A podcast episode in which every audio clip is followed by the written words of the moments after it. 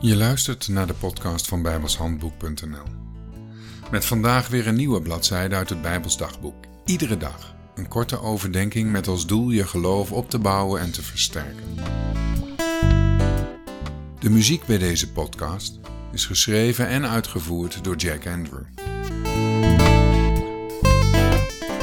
Het is vandaag 10 januari en ik wil beginnen met het lezen van Lucas 24, vers 27.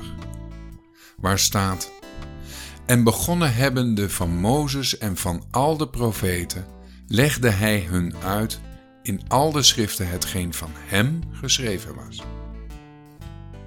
Als we kijken naar de leer en het onderwijs van de Heere Jezus ten dagen van zijn omwandeling op aarde, dan zien we dat de inhoud van zijn leer zwaar steunt op het Oude Testament.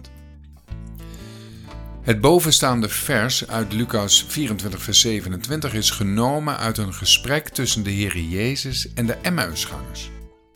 Hij gaat de Emmausgangers vanuit het Oude Testament uitleggen wat over hem geschreven staat. In het Oude Testament wordt de beloofde Messias in al veel schriftplaatsen heel gedetailleerd aangekondigd.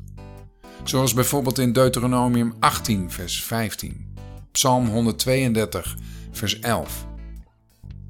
De overtuiging van de Heer Jezus dat Hij gekomen was om de schriften te vervullen, ligt ten grondslag aan alles wat Hij leerde.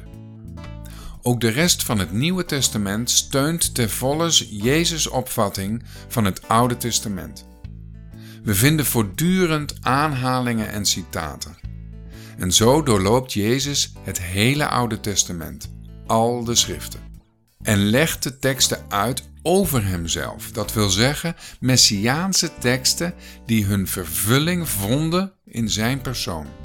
De betekenis van deze messiaanse teksten kon pas ten volle worden begrepen in het licht van Jezus lijden, sterven en zijn opstanding.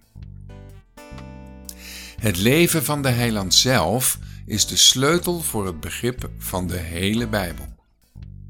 Als je niet de eenheid van Gods woord erkent, dan ontneem je jezelf de bron die je nodig hebt om God werkelijk te leren kennen.